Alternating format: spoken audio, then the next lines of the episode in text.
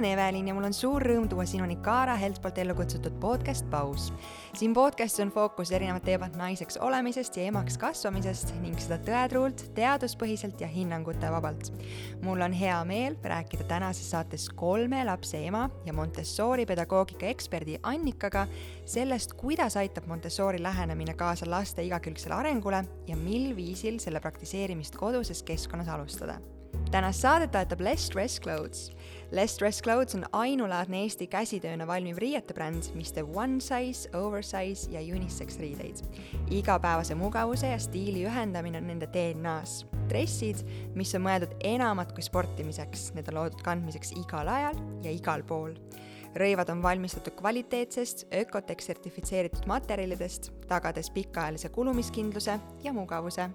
Nii raseduse ajal kui ka sünnitusjärgsel perioodil tunned end riietes nii vabalt ja stiilselt. valides Less Stress Clothes, toetad kohalikku tootmist ja panustad säästlikumasse homsesse. Less stress more style. sooduskood paus annab lessdressclothes.ee kodulehel kakskümmend protsenti soodustust ja see kehtib kolmekümne esimesest oktoobrist kuni neljateistkümnenda novembrini. aga nüüd head kuulamist.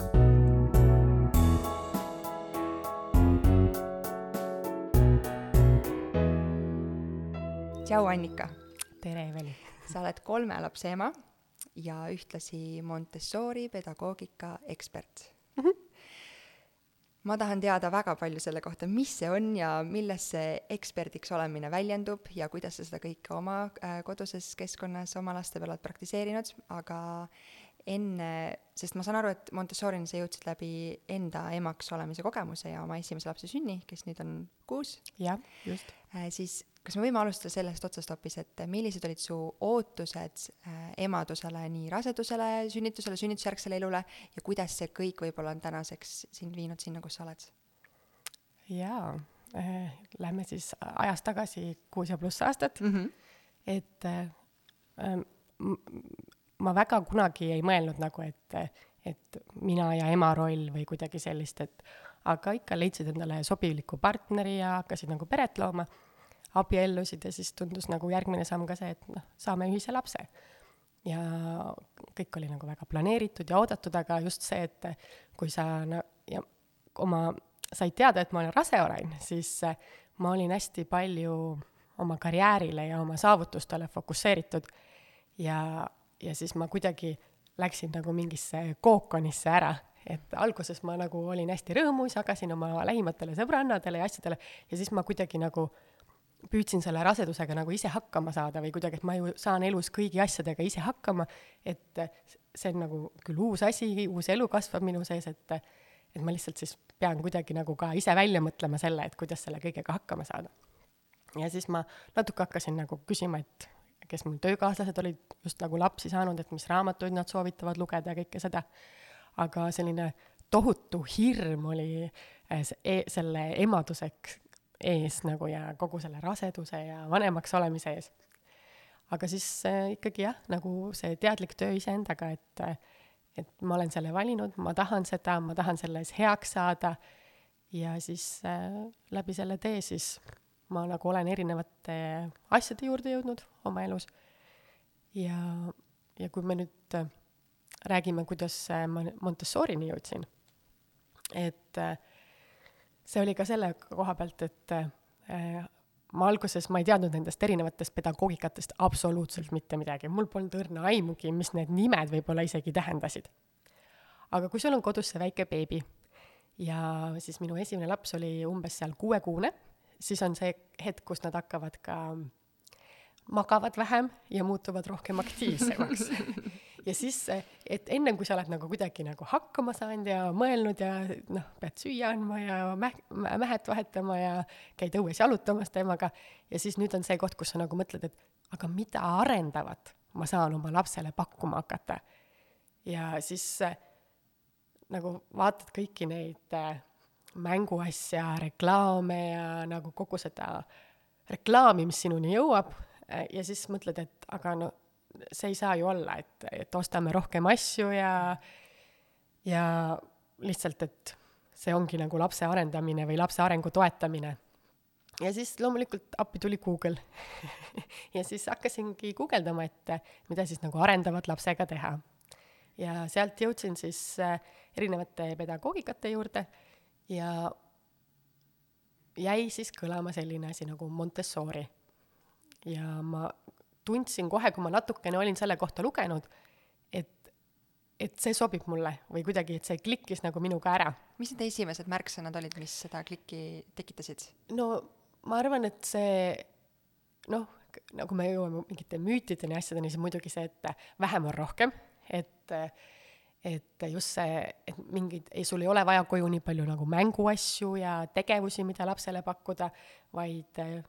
piisab nagu mõnest sellisest asjast, mis äh, lähtuvad selle lapse parasjagu hetkeseisust ja, ja sa saad teda toetada. hiljem nagu tulid kõik muud asjad, et see lisatoit ja kuidas nagu aidata seal lapse iseseisvust ja kõike muid asju, aga noh, need esimesed asjad olid ikkagi, et mis mänguasju ma siis talle ostma hakkan või mis tegevusi ma temaga teen. ja tol ajal äh, seda eestikeelset materjali oli hästi vähe. ja hästi palju oli nagu inglisekeelset materjali, aga seda materjali hästi nagu palju ja nagu erinevate nurkade alt. et äh, olles nagu selline esmakordne ema, sa nagu ei tea, mida võtta, mida jätta, mida usaldada, mida, mida siis päriselt nagu kodus rakendama hakata. Äh, ja siis ma lihtsalt leidsin Facebooki grupi äh, koos, mis oli kokku pandud siis teiste vanemate poolt siin Eestis ja nad olid just loomas Eesti Montessori ühingut. Et siis äh, sattusin sinna asutamiskoosolekule, olin siis ka üks asutaja liikmetest. ja, äh, ja siis äh, mõtlesin, et oh, nüüd on mul see nagu selline tugigrupp või seltskond, kellega nagu minna edasi. Ja aga siis tuli välja, et nad on kõik samasuguses äh, seisus üsna, et et kõik on, kõik tahavad oma lapsele seda paremat, parimat, aga kõik on seal õppimise faasis natukene. ja siis ma tundsin, et aga ma tahaks nagu sügavamale minna. ja siis äh, kaks tuhat kaheksateist oli see vist, jah, oli Baltimaades esimene siis Montessori assistentide kursus, nagu, et üldse selliseid neid äh, Montessori kursusid kui selliseid üldse nagu Baltimaades ja Eestis ei toimunud, et nad toimusid kõik igal pool mujal maailmas. aga kust Montessori pedagoog ise pärit on? Itaaliast. okei okay.. jah, et äh, aga noh, ongi see, et äh, miks ta mingil hetkel ei ole nii palju levinud ja kõike seda, et me võime seda ka nagu avada mm, -hmm. et -hmm. aga lihtsalt see oli, ma läksin kaheks nädalaks siis Riiga, et ma tahan seda Montessori baaskursust läbida, et ma, et siis mul on nagu rohkem teadmisi, et kuidas, et mis see siis on ja kuidas seda teha. Aga seal üsna kergesti sündis see mõte, et ei, seda on liiga vähe mulle ja et ma lähen nagu ka sinna juhendaja kursusele ühel hetkel. kas sa oled elus kõiges nii põhjalik ja oled alati tahtnud kõike teada äh, selle kohta, mida sa teed või mida sa valinud oled või see on äh, miski, mis on lapsevanemlusega sinuga kaasas käinud? ma arvan, et äh, nii üht kui teist, et ikkagi mingites valdkondades ma olen, tahan minna sügavuti, mingites valdkondades on see, et ära mõtle üle, vaid lihtsalt hakka nagu minema et kõige olulisem, ma arvan, kui me ka räägime lapsevanemusest ja sellest, mida me tahame lapsele pakkuda, ongi see, et sul on see tahe, et mida sa tahad talle üldse pakkuda. ja siis on oluline see otsuse koht, et tuleb võtta vastu otsus. et ja otsus tähendab seda, et sa oled siis pühendunud mingile asjale, et see ei ole lihtsalt, et ma nüüd mõtlen ja tahaks ja vaid nagu sa teed päriselt selle otsuse et inglise keeles on selline ütlus nagu, et if there is a will, there is a way, ja kui sul on tõesti see tahe ja otsus olemas, siis sa nagu leiad ka viisi, et nendest asjadest paremini aru saada või midagi oma lapsele pakkuda või kuidagi toetada teda. ja, ja üldse see lapsevanemuseks olemine olnud ka on, nagu selline spiraali mööda nagu liikumine, et mingil hetkel sa võid tunda täiega, et, et sa justkui liigud seda spiraali mööda allapoole et ükskõik, mida ma teen, siis äh, nagu tulemused ei ole seal või ma ei saavuta mingeid asju või ja, ja kogu see sinu enesetunne ja see tunne, et ma ei saa selle vane, lapsevanemaks olemisega hakkama või et ma, ma kuidagi ei saa hakkama selle emaks olemisega. et äh, tänasel päeval on üks hea raamat välja tulnud, aatomharjumused mm.. ah oh,, ma kiidan ka taevani. ja, ja seal on selline üks mõte, et ühe prot-, üks protsent et äh, kui sa näiteks võtadki vastu selle otsuse, et näiteks ka lapsevanemuse teekonnal, et kuidas olla natuke parem, et kui sa teed ühe protsendi nagu iga päev natukenegi midagi nagu teistmoodi, siis äh, sa juba hakkad seda spiraali mööda ülespoole liikuma. et see üks protsent sinu mõtteviisi muutust toob kaasa ka sinu, kohe sinu tegude muutuse. ja see toob kaasa jälle sinu, kus, kui tegu, tegevused ja asjad lähevad paremini, siis su mõtteviis läheb paremaks ja siis see spiraal hakkab jälle nagu ülespoole liikuma. et mingil hetkel vahepeal tule, tasub endalt küsida, et kas ma liigun seda spiraali mööda allapoole või ülespoole, et ja siis tasub võtta see vastu otsus, et ma tahan mööda spiraali ülespoole liikuda. ja siis, et mõelda, et, et kuidas ja, ja, ja siis jah, Pareto printsiip on, et kaheksakümmend, kakskümmend, et kaheksakümmend protsenti tegelikult ongi meie mõttemaailm ja meie mõttemustrid ja siis tegelikult kakskümmend protsenti on ainult need tegevused, et mida me teeme. ja lapsevanema juures ka, lapsevanemluse juures ka, et oleks keegi mulle öelnud, kui mu esimene laps oli, et tead, kaheksakümmend protsenti sinu äh, nagu sellest kõigest, mis sa teed, loevad sinu mõtted, et mis ja kuidas sa neid asju teed. ja kakskümmend protsenti alles see nagu, et kuidas sa siis päriselt teed milles see Montessori, Montessori pedagoogika lihtsustatult seisneb mm? -hmm. mis see igapäevaeluses tähendab lastega? jaa, äh,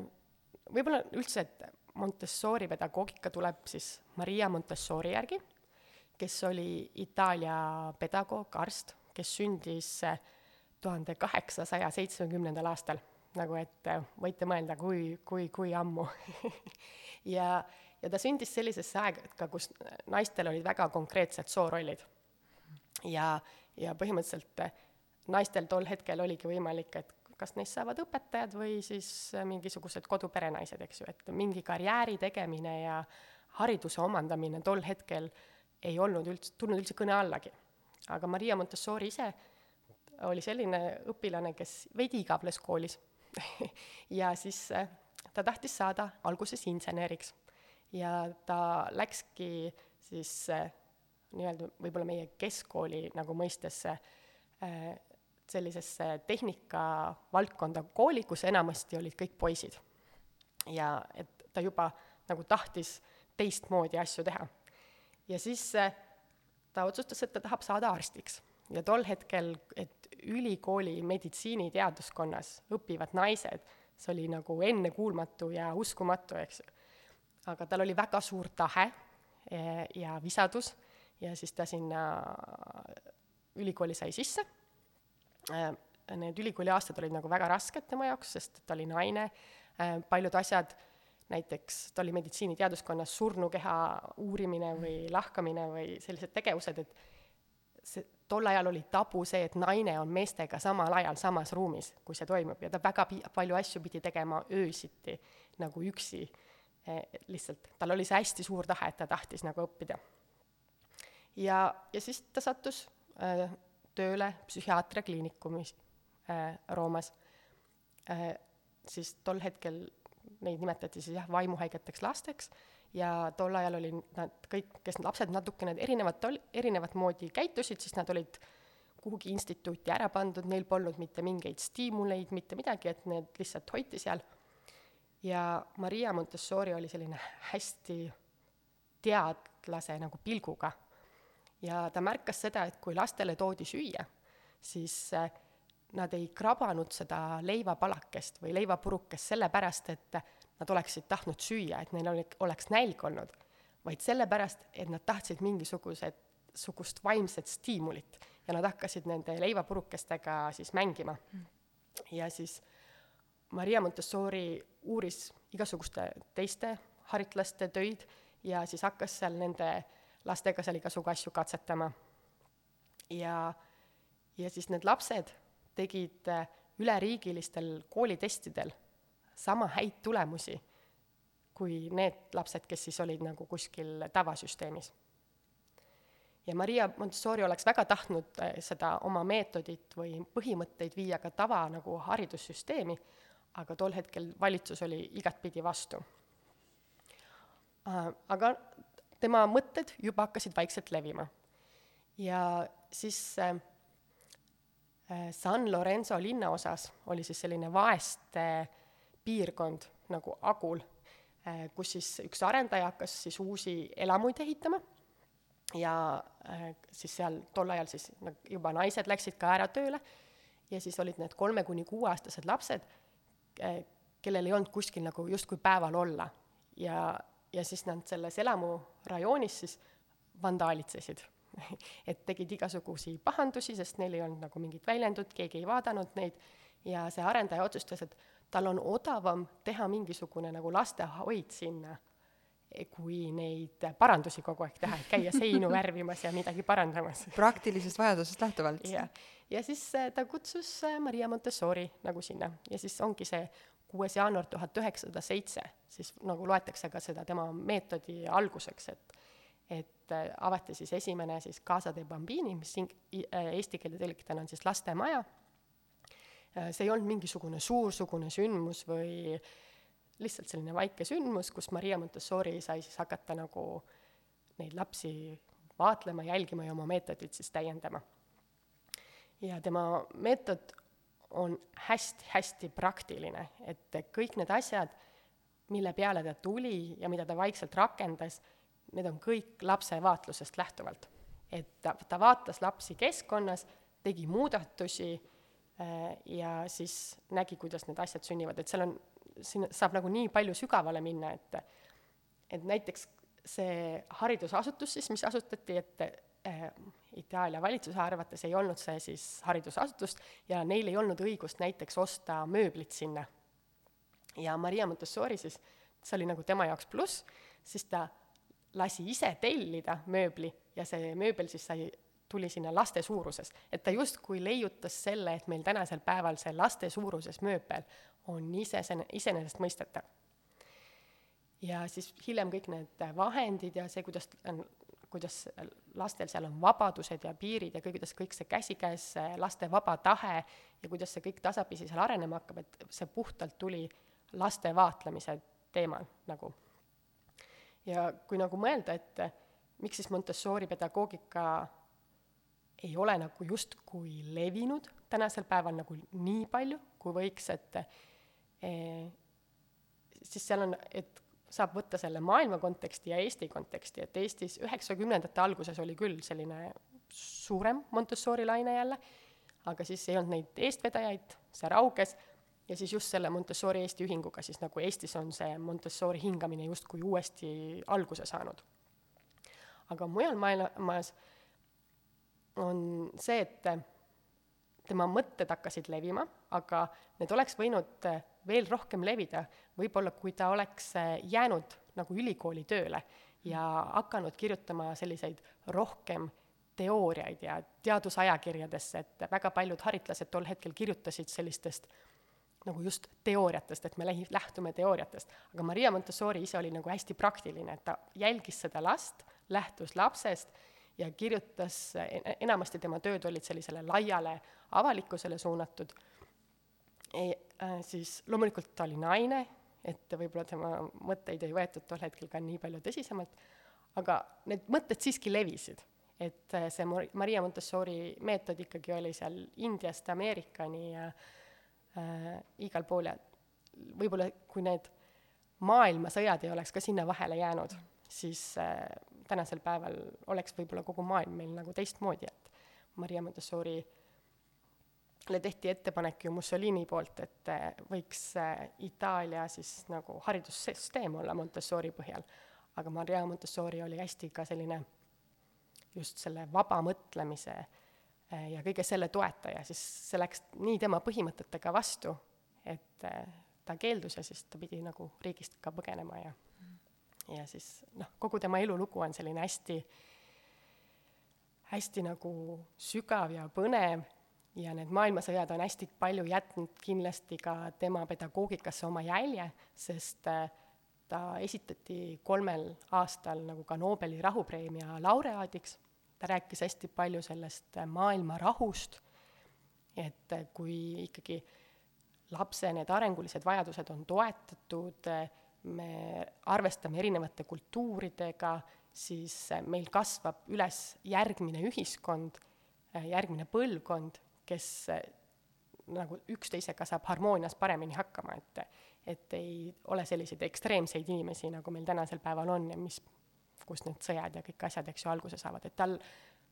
enne oma surma oli see maailma rahu teema nagu väga-väga nagu hingel. ja kui nüüd sellest äh, mingitest nagu sealt ajaloost ja suurest, suurtest nagu piltidest tagasi liikuda, siis äh, ta oma lapse vaatluste põhjal siis äh, eristas laste puhul siis nelja erinevat arengujärku, et nullist kahekümne neljanda eluaastani. Ja siis on see null kuni kuus, kuus kuni kaksteist, kaksteist kuni kaheksateist ja kaheksateist kuni kakskümmend neli, et need lapsed justkui saavad küpseks alles kahekümne neljandaks nagu eluaastaks, et mitte kaheksateistkümnendaks eluaastaks või mõnes pool kahe, kakskümmend üks on see mm -hmm, vanusepiir, kus saad alkoholi osta, et vaid alles nagu kahekümne neljandaks eluaastaks. siinkohal ma tasun nagu võtta võib-olla mõttepaus, et kui sa nagu enda see, nendele aastatele tagasi mõtled, et millal siis sul see küpsemine toimub, et kas see oli kaheksateist või oli see seal kahekümne neljanda eluaasta juures? ma arvan, et äh, esiteks ma ootan ikka veel seda osati, aga okei okay,, tegelikult kui ma päris aus olen, siis äh, kui ma olin, ma ei tea, kuusteist, seitseteist, ma ootasin kiivalt, et kui ma kaheksateist saan, siis ma ju tunnen ennast täiskasvanud, no nali naljaks, ikka ei tundnud küll, kakskümmend üks ikka veel ei tundnud äh,. kui ma kolisin, vist oligi, kui ma olin kakskümmend äkki, kui ma kolisin omaette elama, üheksateist, äh, et mõtlesin, et äkki selle iseseisvumisega tuleb see täiskasvanulik tunne no ka ei tulnud äh,. Tegelikult see vist päriselt jõudis kohale, et ma olen täiskasvanud inimene siis, kui ma lapse sain. Et äh, ja ma sellepärast, kui ma tagasi vaatan ja mõtlen, et kui palju pannakse pinge peale noortele, et kaheksateistaastaselt tuleb oma elu edasine karjäär ja tegevusvaldkond otsustada näiteks, siis see on tohutult raske, sest ma kaheksateistaastasena tegelikult ei teadnud maailmas tööd ega mütsi veel yeah.. ja hoolimata sellest, et ma olen, mu perekond on väga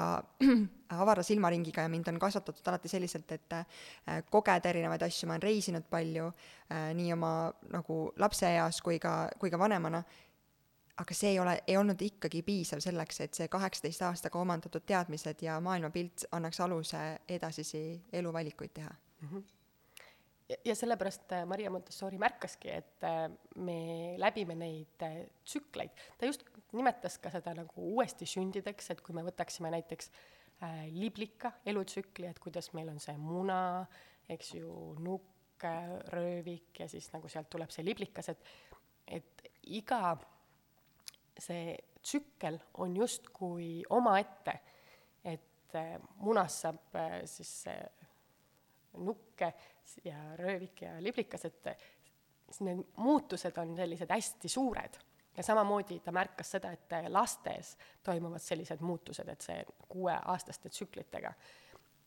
ja, ja igal sellel tsüklil on oma iseloomulikud tunnused,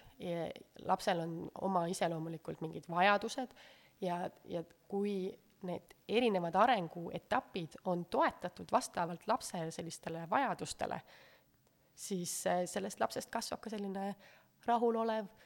ta kasutas sõna ka nagu normaliseerunud, tasakaalukas äh, inimene, kelleks ta saama peab siin maailmas, et ja. aga mida see praktikas, praktilises elus uh -huh. nagu mhm. päriselt tähendab, et kui sa mainisid siin seda, et äh, ei olnud võimalik äh, mööblit äh, saada ja siis telliti eraldi laste suuruses mööbel, et äh, ma arvan, et väga paljudele samastub või, või seostub äh, Montessori pedagoogikaga see, et et on laste suuruses ja lastele kättesaadaval kõrgusel, ma ei tea, raamaturiiulid või voodid või riiulid ja sahtlid, mida saab ise lahti tõmmata, et need on nagu lapsesõbralikud justkui seetõttu. aga me räägime siin ka kaheksateist kuni kakskümmend neli vanusest, et äh, kas siis järjest nagu iga selle etapiga läheb see voodi suuremaks ja sahtli kõrgus kõrgemaks või mida see nagu praktilises elus tegelikult tähendab äh,? jaa, no siin tulekski minna nagu igasse arenguetappi sisse, sest lapse vajadused igas arenguetapis on natukene erinevad. ja siis see keskkond on ka vastavalt sellele erinev, et et kui me räägime siin null kuni kolmeaastasest lapsest, siis loomulikult kodu on see kõige parem keskkond, seal on omad põhjused, siis järgmine samm võiks olla äh, kolm kuni kuus on siis see lastemaja, äh, kus on ka ettevalmistatud keskkond, siis kuus kuni kaksteist on siis Montessori kooliklassid ja tegelikult Maria Montessori nägi, et need kaheteistaastased, kaksteist kuni viisteist, et need võiksid üldse minna internaatkooli, nii-öelda talukooli, sellepärast et äh, me tänasel päeval näeme, et just see vanus on see koht, kus lapsed peavad hästi palju oma elus ära otsustama mingeid e-, lõppu nagu äh, et millisesse keskkooli ma lähen, mis äh, eksameid ma tegema hakkan ja kõiki asju, aga tema nägi näiteks selles vanuses, et äh, lapsel on vaja hoopis neid äh, oma akadeemilisi teadmisi praktikasse panna ja läbi selle siis ta rääkis seal, et erinevatest rollimudelitest, et kas seal on siis nagu need patused või siis nagu pühakud või siis nagu patused, et kuidas see lapsele noh, et see ta räägib hästi palju sellest, kuidas see laps kodust nagu järjest rohkem kaugeneb ja hakkab saama selleks, kelleks ta siis ise saama peab. aga tal on vaja teekonnal siis seda keskkonda, mis aitab tal jõuda nende hetkedeni. ehk siis Montessori pedagoogika puhul me räägime siis terviklikust lähenemisest lapse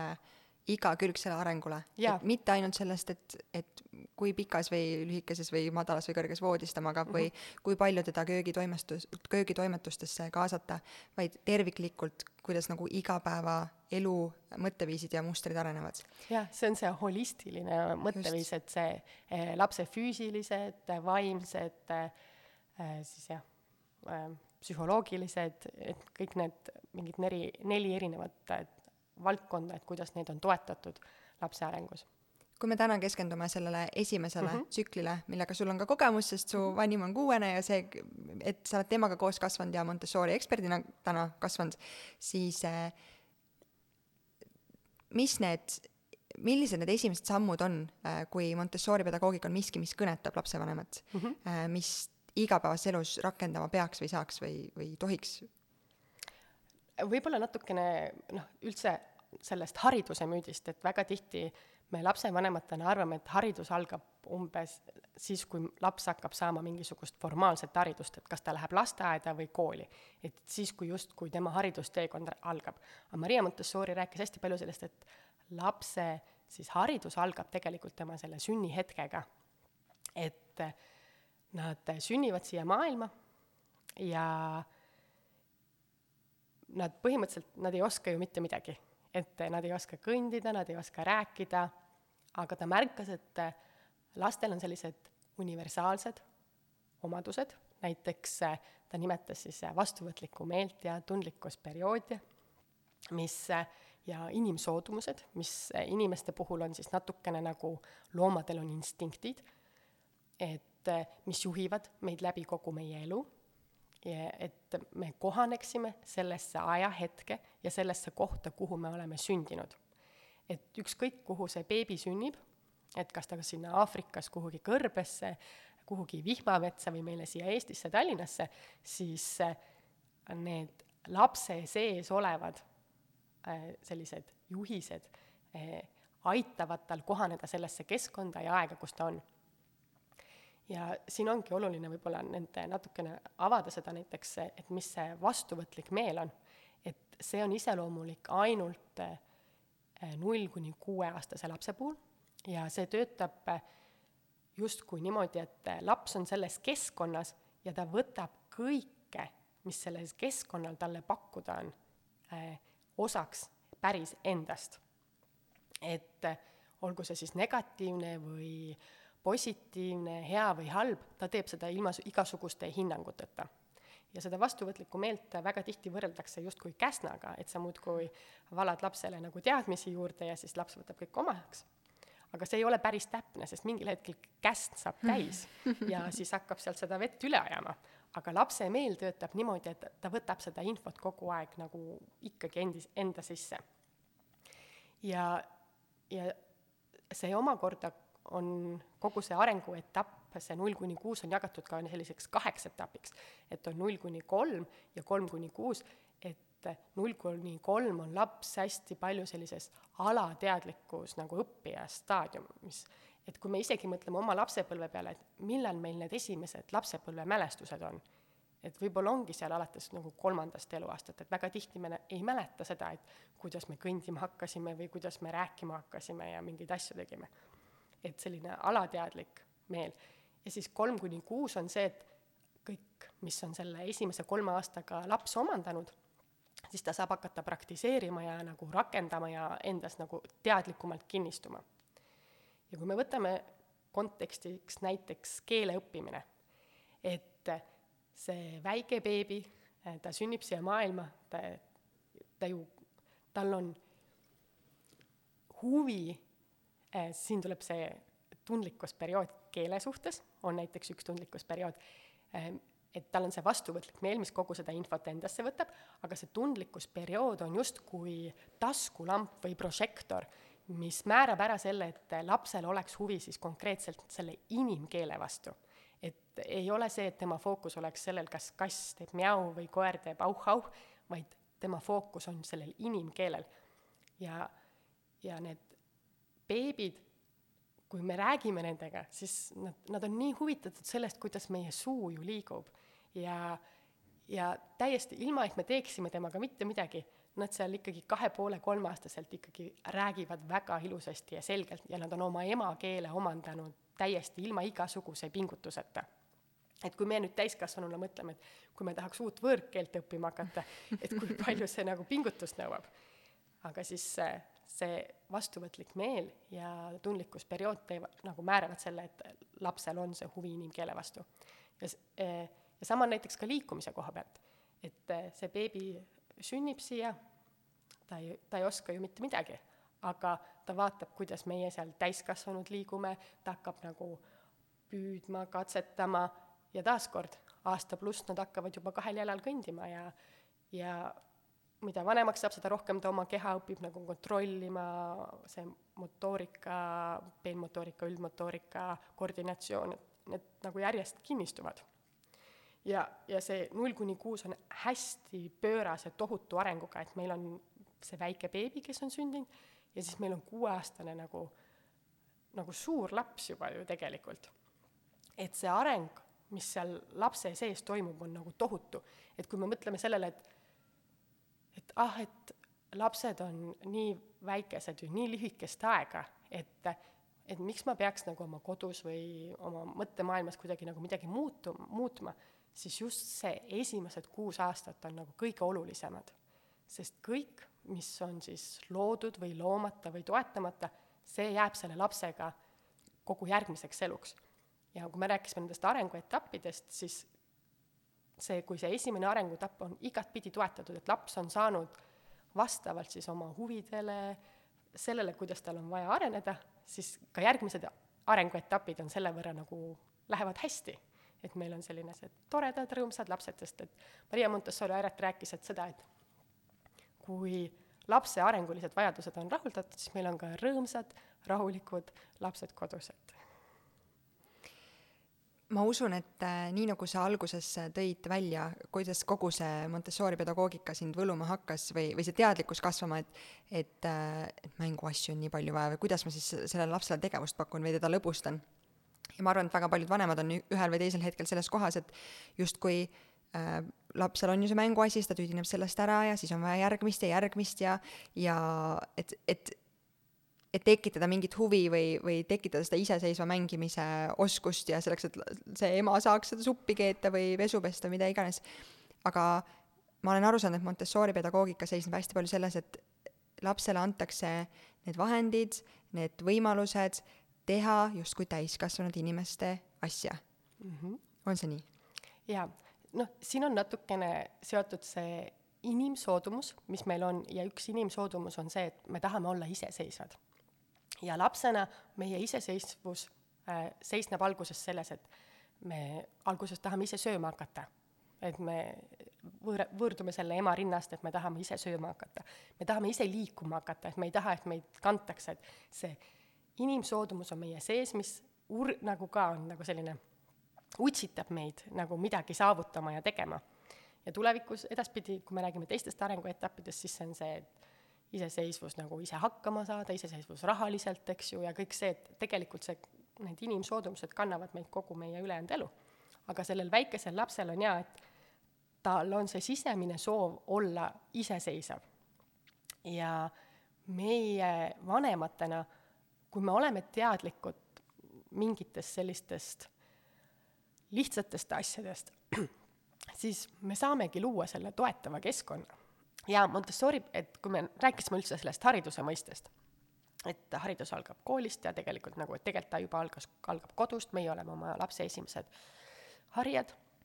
ja noh, ta traditsioonilist haridust näeb, nähakse väga tihti selles suunas, et see täiskasvanu või õpetaja nagu annab lapsele teadmisi. et ta on nagu tühi anum ja me peame selle lapse täitma nende teadmistega. et Montessori hariduses siis meil on justkui kolmnurk, mille ühes tipus on laps, ühes tipus on siis äh, keskkond ja ühes tipus on siis täiskasvanu. ja täiskasvanu roll on siis aru saada, et kus noh, arenguetapis see laps on, mis on tema vajadused, eh, ja et seda kõike ta saab teha selle lapse vaatluse kaudu, et Maria Montessori ju ka oma meetodi pani paika puhtalt lapsi vaadates ja meie kodus lapsevanemana see esimene infoallikas ongi see, et kui me vaatame seda oma last ja ilma, et kui sa teaksid Montessori pedagoogikast nagu mitte midagi, siis lihtsalt püüad seda last vaadata niimoodi, et sa vaataksid teda justkui esimest korda. et sul pole mitte mingeid hinnanguid, mitte midagi, sa vaatad seda lihtsalt nagu mingi läbi filmi, ma ei tea, filtri või olles nagu kärbes seina peal lihtsalt vaatad, et millega su laps tegeleb ja kuidas ta seda teeb. ja ta võib sulle anda juba nii palju vihjeid, et mida sa võiksid talle järgmiseks pakkuda või kuidas sa seda pakkuda. ilma, et sa üldse nagu mitte millestki muust midagi teaksid. et võib-olla ta huvitub seal, näiteks püüab seal mingeid häälikuid teha või mingit liigutust teeb või siis sa lihtsalt pakud mingisuguseid tegevusi, mis toetavad seda asja. Siis see, see kolmnurga üks tipp on siis see täiskasvanu ja see tähendab seda, et meie oleme ette valmistunud täiskasvanud, et me oleme teadlikud oma lapse eh, vajadustest, tema arengust ja lähtudes siis oma lapsest me valmistame ette selle keskkonna, kus see laps viibib. ja need kolmnurgalülid, need on kõik, need ei ole fikseeritud, need on kõik dünaamilised, pidevas muutumuses, sest meie täiskasvanuna oleme pidevas muutumises, meie laps on pidevas muutumises ja vastavalt sellele siis meie saame muuta ka pidevalt seda keskkonda, kus laps viibib, lähtudes siis lapse huvidest ja vajadustest. ja kodus oleneb, kui vana beebi või asjad on, et lapsed tajuvad oma maailma meelte kaudu, et neil ongi see nimetus on see tundlikkusperioodid, aga kõike, mis nad oma maailmast nagu tahavad saada, nad tahavad saada selle oma erinevate meelte kaudu. et nad ju alguses hakkavad kohe igasugu asju, tahavad katsuda, suhu panna, see on kõik selleks, et nad saaksid seda infot. ja noh, kõige väiksema beebi puhul, mida äh, tasub nagu, saab silmas pidada, on see, et missugune on selle lapse riietus, mis tal seljas on. et kas see võimaldab tal vaba liikumist. Et kui me, laps on sellises faasis, kus ta õpib alles roomama, aga tal on mingi tutiseelik, mis tal kogu aeg põlvede taha takerdub, siis see ei soodusta seda, et ta saaks nagu iseseisvalt äh, liikuma hakata. Äh, siis noh, tänasel päeval on hästi palju uusi uuringuid ka selle koha pealt, et, et need jalatallad on palju tundlikumad kui need sõrmed ja peopesad, et võib-olla kui see keskkond võimaldab, et võtta need sokid ära või sibupüksid või midagi, et lasta lapsel siis nende varvaste ja jalakestega ka seda keskkonda nagu tunnetada ja kogeda. siis nad saavad suuremaks, et nad tahavad ja oma keha kasutada, liigutada hästi palju pakkuda talle võimalust liikuda. et, et Eestis see ei ole nii suur probleem, aga näiteks mujal maailmas väga tihti kasutatakse selliseid mänguaedikuid, kuhu pannakse laps kinni ja siis ta, põhimõtteliselt tal on see oma piirkond, kus ta seal siis liikuda saab, et kodus vaadata seda piirkonda, kus see laps toimetab niimoodi, et see oleks siis need jah-alad või et see on okei okay,, et ta saab seal liikuda ja roomata ja et tal oleks millegi najal harjutada seda püsti tõusmist, et olgu see siis diivanilaud või diivan või väike mingi kapike seal, et ta saaks seda teha, et see oleks selline jah-ala. kui sul on kodus trepid, trepid on superhead nagu igasuguse nagu motoorika harjutamiseks, et kui sa kardad, et ta ronib liiga kõrgele või liiga alla, et siis pane sinna kõrgemale natukene see piire, aga nagu, et ta saaks ikkagi edasi-tagasi seal ka harjutada. et, et see liikumisvabadus äh, siis äh, hiljem lastel tuleb ka see valikuvabadus, et äh, vastavalt siis laste huvidest me saame talle välja panna mingisuguseid siis mänguasju või tegevusi äh, ja siis ta saab valida, et millega ta tahab töötada Äh, Montessori mõistes siis töö on siis lapse mäng. aga mänguasjad, sellised tavapärased värvilised tulukestega vilkuvad äh, äh, väga siis äh, igas mõttes mürarohked mänguasjad ei ole vist ka Montessori teema? ei ole jah et kui rääkida, mis teeb äh, mänguasjast äh, siis Montessori vahendi, siis noh, see mõiste nagu, et kui me lähme poodi ja vaatame, et tänasel päeval on kaupmehed kasutavad seda brändingut, et meil on mingi Montessori raamatud, Montessori mänguasjad,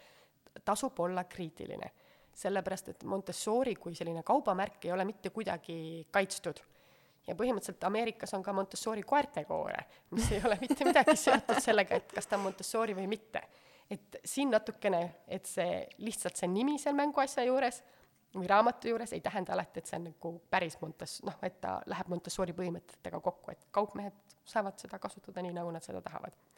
aga kui sa oled nagu teadlik lapsevanem, teed natuke eeltööd, et mis siis teeb vahendist äh, Montessori vahendi, äh, eelkõige siis loomulikult äh, see materjal, et et lapsed tahavad päris asju, et me pakuksime neile päris asju, et see vahend ka, et see võiks olla siis nagu puidust või siis keraamika, metall, et tal on juba see oma tekstuur, see sensoorne kogemus, mis laps saab seda kasutades, on juba nii palju nagu rikkalikum, et kui me hakkame lapsele lisatoitu pakkuma, väga tihti me ju pakume seda võib-olla mingitest sellistest nõudest, plastmassnõudest või midagi, mis kukuvad maha, ei juhtu midagi, vaata. et aga kui me pakuksime lapsele näiteks seda oma, tema esimest joogiklaasiks väikese pitsi, nagu mis on siis päris klaasist, et see sensoorne kogemus, et kuidas ta seda väikest klaasikest hoiab käes ja aga siis, kui mingil hetkel see kukubki maha, siis ta õpib seda, et see on õrn, et asjad kukkudes lähevad katki. mul on siin äh, täiesti ebapädevana muidugi, aga natuke nagu vastuolu tekib, et ühtepidi, äh, mis sa ennist ka välja tõid, et tõid, et äh, Montessori pedagoogika aluseks on kas või keskkonna või ruumi mõistes sellise turvalise keskkonna loomine, kus võib-olla tõesti alumistes sahtlites ei ole teravaid esemeid, et ta saab neid lahti tõmmata või, või äh, ei ole mingite, ma ei tea, keraamiliste teravate nurkadega lauda, et see lihtsalt ei ole lapsega perre seal null kuni kuus aastates sobilik, eks äh,. aga siis see, et ma annan talle klaasi kätte või et kuidagi ühtepidi jah, et, et tekib see päris materjali ja päris esemega kokkupuude ja tunnetus, kuidas seda kasutada ja, ja miks ja et see nagu päris tunne, aga teistpidi justkui ei ole nii ohutu, et kuidas leida see piir selle äh, turvalise keskkonna ja samas päris maailma vahel? Noh, kui me ikkagi räägime siin äh, selle lisatoidu alustamiseks, siis alati on ju see vanem on ju endiselt juures, et kui see klaas läheb katki või midagi läheb katki, siis vanem saab selle ära koristada. ja, ja võib-olla sellel beebil ei ole ka kohe vaja nagu ise ligi pääseda sellele nagu toidunõudele, nagu sellel üheaastasel, kes alles nagu arendab oma koordinatsiooni ja tema käe ja meele koostöö nagu on kõik alle, alles arengus. aga tulevikus, kui nad juba nagu ikkagi seal ikkagi kahepoolesed vähemalt edasi, nad juba suudavad asju ise kanda äh,, hoida ja kui noh, see keskkond on olnud hästi toetav ja tal on selge need piirid ka, et mida me nende asjadega teeme, eh, siis eh, nad saavad, nagu siis see ei ole enam nii ohtlik, vaata, et ja kui tal midagi nagu katki läheb, siis ta saab öelda nagu oma emale või kuidagi, et noh, taldrik kukkus maha, läks katki või midagi, et ja tavaliselt ikkagi vanemad on kuskil lähedal, et me ei jäta neid kahe poole aastaseid ka sinna üksi kööki päris toimetama mm. -hmm suur osa, kui ma ei eksi, Montessori pedagoogikast on ka see laste kaasamine igapäevastesse -hmm. tegevustesse. ja ma arvan, et mu lapse, kes on aasta kolmekuune, tema neljas sõna oli emme, aitäh ja koer järel ise, ise, ise, ise, ise, ise ja see vahepeal võib olla väga raske, eriti kui on kuskile kiire, aga ma alati püüan, olles sellise rahuliku elutempo viljeleja ja austaja, et siis ma püüan alati leida selle aja, et pakkuda talle seda võimalust ise panna ennast riidesse ja ise ähm, proovida natukene seda kurki hakkida oma mitteterava noaga ja nii edasi, aga on mul õigus, et igapäevasesse ellu kaasamine, on see toidu tegemine, pesu pesemine, mis tahes voodipesu vahetamine, et see on miski, millesse me peaksime lapsi nende arengu eesmärgil kaasama? Jaa, see null kuni kuus vanusest last iseloomustab see, et ta justkui kogu aeg tahaks meile öelda, et aita mul seda teha ise.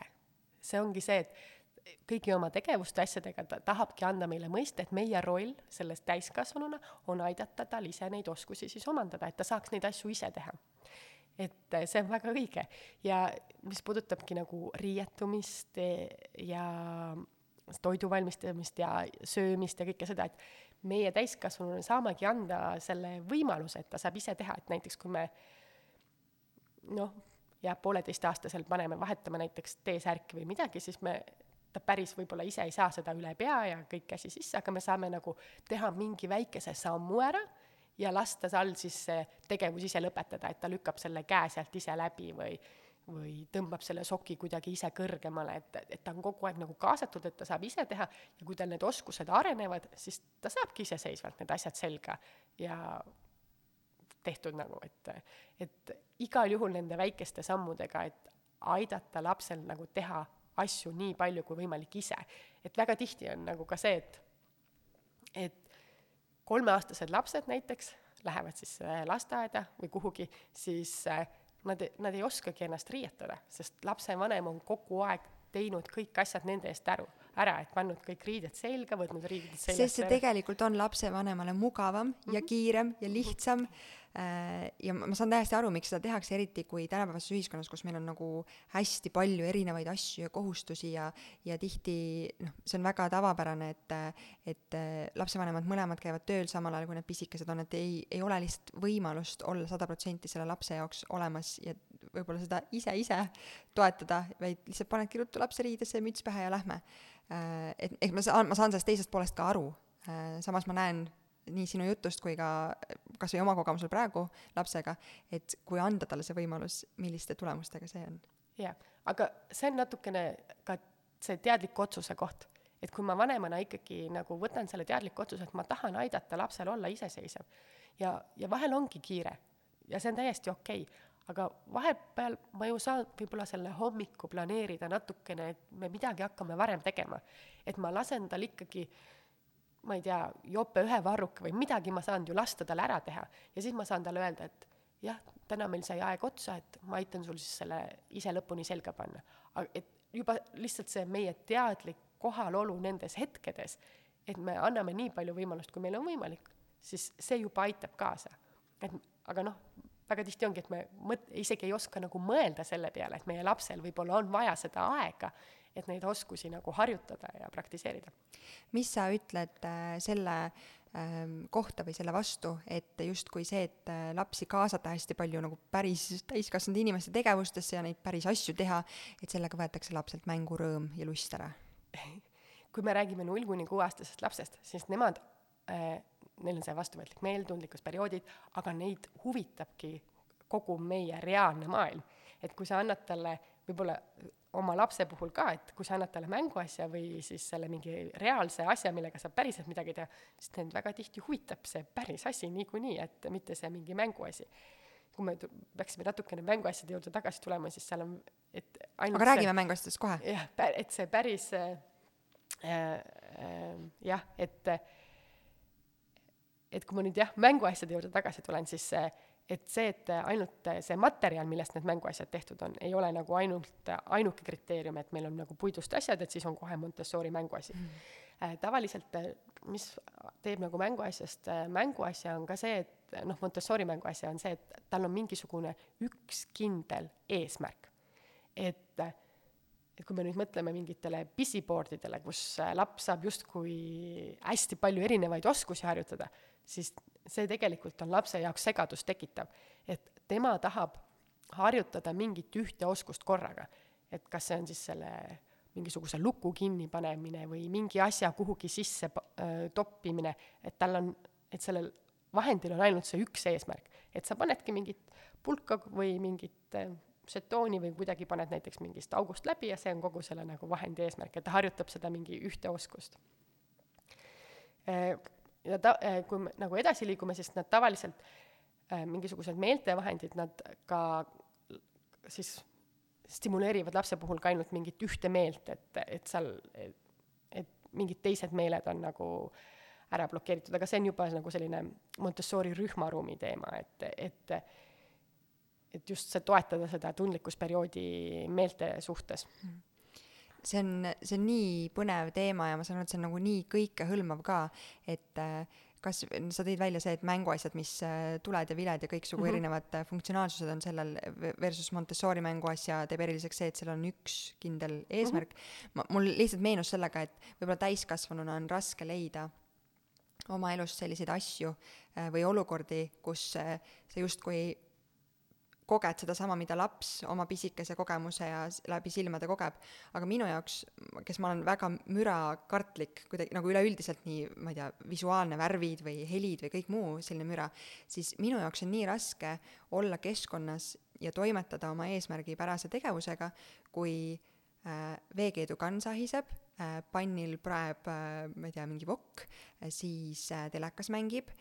laps laliseb toas ja siis veel samal ajal vanaema helistab mulle ka, ehk siis mul on nagu viis müraallikat ja üliraske on leida seda ühte fookust, mida ma teen, olgu see siis nõude pesemine hoopis äkki samal ajal. et ja ma, kui ma püüan selle sama olukorda panna lapse konteksti, kus tal on mänguasi, mis laulab, mängib, säriseb, vuriseb ja veereb eest veel ära ka. et mulle on see täiskasvanuna üleküllastus, aga mul on kakskümmend kaheksa aastat elukogemust ja kõike muud all, et kuidas laps võib ennast selles olukorras tunda. Äh, ja see on see, miks mulle mitteteadliku äh, mitteteadlikult sellesse Montessori eesmärkide või pedagoogika viljelejasse on need, need äh, mõtted võlunud, miks seda teha või kuidas seda teha mm. -hmm aga just ongi, et ja, ja kui me räägime tundlikkusperioodist, siis lapsel on veel ka see tundlikkusperiood korra suhtes, et neil on vaja oma päeva mingisuguseid rütme, rutiine eh,, korda, noh, see on sealt, sealt saab edasi rääkida, kuidas need asjad võiksid eh, riiulitel olla ja kõiki muid asju, et et saab hästi palju sügavale minna, aga just, et ja tundlikkusperiood ka keele osas, et äh, lapsed tahavad, näiteks kui me räägime lapsega, et nad ei taha kuulda mingisugust beebipudi keelt, vaid nad tahavadki kuulda seda rikkalikku meie emakeelt, päris keelt, et kui me oma juba väikese beebiga hakkame rääkima, siis me kasutaks neid mitte kättu, vaid käsi ja, ja mitte ja õige nimetusega mm, -hmm. sest tal on ka see vastuvõtlik meel töötab, et tema jaoks ei ole see kerge või raske sõna, vaid tema jaoks on see lihtsalt nagu sõna. ja kui sa kasutad seda õiget väljendit, siis ta võtab selle õige väljendi ka nagu kasutusele. et, et me alati mõtleme, et oi, neil on ju nii palju lihtsam öelda või kuidagi. ja, ja mis puudutab noh, igasuguseid raamatuid, ekraane samamoodi, et see alla kuueaastane laps tegelikult ei tee vahet fantaasial ja päris maailmal et neil see vastuvõtlik meel töötab, et kõik, mis neile tuleb, nad võtavad selle justkui omaks. ja kui me tahame lapsele mingisuguseid kogemusi pakkuda, et äh, keele osas, et loeme lapsega raamatuid, mis on nagu päris, nagu selles mõttes, et nagu need päris loomad või päris tegelased, et mitte välja mõeldud multikategelased või äh, teeme lapsega just neid päris köögis asju, mitte mänguköögis mingi äh,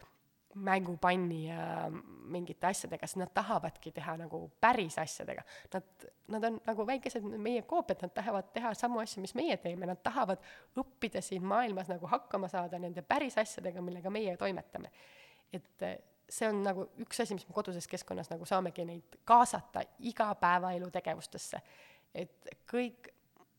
et võib-olla meile tundub jah, et oh, tal oleks huvitav meil selle oma kirju mänguasjaga mängida, aga tegelikult tema jaoks on võib-olla palju huvitavam seista seal köögitasapinna juures ja vaadata, kuidas sa süüa teed. ja võib-olla sa annad talle sellise nailonist või siis mingi sellised äh, serveerimisnoad, mis on nagu sellised ohutud, lased tal mõne porgandi nagu ise viilutada, et ja ta on nagu nii rõõmus, nii rahul eh,, nii tunneb kaasatuna ennast, et jah, lähed, võtad pesu, pesumasinast välja, aita, tema aitab sul selle sinna kuivatisse panna ja ja sellised noh, päris asjad nagu ja koristame koos, tal on oma väikene võib-olla harjakene või mopikene ja siis tema saab ka nagu oma väikest äh, lauda või midagi koristada ja äh, võib-olla mõne, midagi pesta või noh, selles mõttes, et, et see ettevalmistatud keskkond ongi need, mis teeb ka nagu see noh, Montessori vahendid, et äh, need on nagu ka sellised asjad, millega lapsed saavad ise teha, et eks ju need töövahendid, et, et see lapse suuruses hari seal või lapse suuruses mopp või lapse suuruses mingisugune väikene nuustikuke, et ta saab, või lapse suuruses äh, väikene noake või kas või, kas või võinuga kas või, või noh, saab banaani lõigata, eks ju, et et lihtsalt, et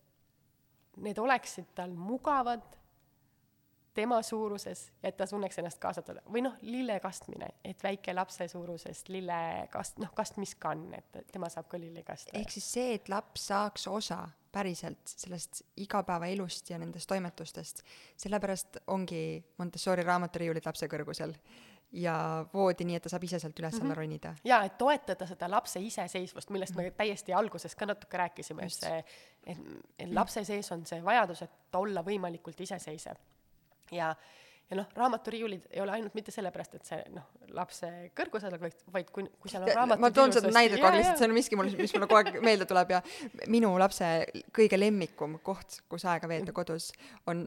pesumasin kui saab sealt asju välja võtta või, või sisse panna, ja teine on raamaturiiul. ja ta võtab ühe raamatu ja ta läheb oma tugitooli juurde ja, ja hakkab seda seal sirvima ja siis läheb, võtab teise raamatu ja nii edasi. et äh, see on lihtsalt kuidagi igapäevaelust mul näide yeah. tulnud aga noh, raamaturiiulite koha pealt on see, et need on lapse kõrguses. tavaliselt on raamatud ikkagi pandud sinna nendes Montessori raamaturiiulites, nii et laps näeb kohe seda raamatu kaast, jah. Et see juba kutsub last, et ta tahab seda võtta, see on kuidagi selline atraktiivne ja noh, ongi, et kui me räägime Montessori vahenditest ja mänguasjadest, siis need on ka atraktiivsed. lapsel on mingisugune sisemine vajadus, ta tahab minna ja uurida ja vaadata. aga kui meil oleks kõik raamatud kuhugi ära peidetud täiskasvanute raamaturiiulisse, siis, siis noh, ei tahagi sinna vaatama minna, et aga kui ta nagu kohe kutsub sind, siis sa tahad vaatama minna Annika, meie saate aeg on lõppu jõudnud, aga on äh, üks või kaks asja vist, mis ma äh, tahan hästi lühidalt ja praktiliselt siin lõpus veel äh, korraks teemasse tuua. üks on see, no me rääkisime mööblist, laste mööblist ja laste siis puidust mänguasjadest või, või mis tahes muu päris materjali mänguasjadest. ja see kõik on väga ilus, aga kas siis Montessori pedagoogika mm, põhjal lapse mängutuba või lapse tuba või kus iganes elukeskkonnas on siis äh, see korraldus, äh, peabki olema selline ilus Pinterestilikult äh, ainult neutraalsetes toonides ja, ja kõik on millimeetri kaupa ära sätitud või, või on sellist nagu päris elu võimalik ka kuidagi tuua sellesse sisse. Jaa, absoluutselt see Instagram ja Pinterest, need ongi ju sätitud pildid, et ärge neid kunagi võtke nagu selleks ideaalseks, et selle null kuni kuueaastase lapse ülesanne on, kohaneda meie kultuuri ja keskkonda, kuhu ta sündinud on. ja see, missugune on tema kodu, see ongi osa ju ka tema kultuurist, et meil kõigil, et isegi noh, meil on ju vanematena, et võib-olla tuleme väga erinevatest taustadest, et see kodu peab siis nagu olemagi see koht, kus laps saab osa sellest oma kultuurist. et kindlasti ei pea see olema nagu need Pinteresti pildid, kus on kõik ilusad heledad toonid, sest võib-olla see ei käigi nagu kultuuri juurde. aga mis puudutab seda lapse suurusest, siis äh, noh, ma rääkisin, kui olul-, kui olulised on need esimesed kuus eluaastat, et see iseseisvuse toetamine. ja, ja kui sina kui sul on nagu vähemalt kodus võimalik see, et sa suudad lapsele ikkagi selle lapse suurusest laua ja tooli nagu sinna mahutada, siis see on juba väga hästi, sest see ongi see koht, kus laps saab minna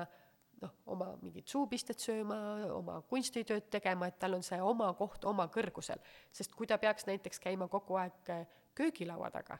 siis väga tihti on, võib isegi mõelda, et kuidas ta sinna köögilaua taha ta- saab, et igas peres ei ole vaata selliseid nagu neid ka mingi stokke, tripp-tra-, noh, jaa, mingeid toole, kust nad saavad ronida ja asju, võib-olla on nagu sellised söögitoolid, kuhu laps tõstetakse ja nii edasi, et tal ei olegi võimalik sinna laua taha pääseda, et seda tööd teha. aga kui tal on kodus see väikene tool, laud, mis on tema suuruses, siis see juba toetab seda tema iseseisvust, et ta saab mingeid asju seal ise teha, ise olla. ja, ja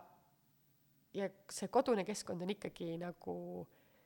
iga pere oma nägu ja vastavalt sellele, et mis need ruumilahendused ja võimalused on, et loomulikult seal on mingid põhimõtted, eks ju, need madalad riiulid ja kuidas need asjad on äh,, lapse, aga kõige lihtsam on alati ka istuda lihtsalt põranda peale maha ja vaata, mida sa näed lapse kõrguselt. et kas sa näed seal tolmurulle, mingeid alumisi riiuleid, mis on ülisassis, et kuna lapsel on tundlikkusperiood korra suhtes, siis võib-olla lihtsalt, et loo, ja tal on vastuvõtlik meel, et ta võtab kõik oma keskkonnast endasse, siis lihtsalt vaata sellise pilguga, et kas ma saaksin sinna lapse kõrgusele luua natukene ilu ja korda, et mida ma ju tahaks ka, et mu laps võtaks nagu täiskasvanu ikka kaasa. ja lihtsalt võib-olla tee mõned riiulid korda, pühi tolm ära, pane lapse kõrgusele mõni taim või kunstiteos ja, ja juba nii palju me saame la- ja kaasa kaasa last sellesse tolmu pühkimisse jah, jah, jah. Annika, aitäh nende mõtete jagamise eest ja mul on hästi hea meel, et sa avasid seda Montessori tausta ka, sest just nimelt nii, nagu sa ise ka vist mänguasjade puhul välja tõid, et äh, justkui tegelikult kõik äh, tootjad äh, ja brändid ja ettevõtjad, ettevõtted võivad panna paki peale sildi Montessori üks ja teine, aga mis see Montessori päriselt on, miks seda äh, pedagoogikat äh, rakendada oma koduses äh, keskkonnas ja, ja millised ähm, positiivsed omadused sellel meie laste arengul on, aitäh, et sa seda jagasid kõike. jah, aitäh kutsumast. tšau! tšau.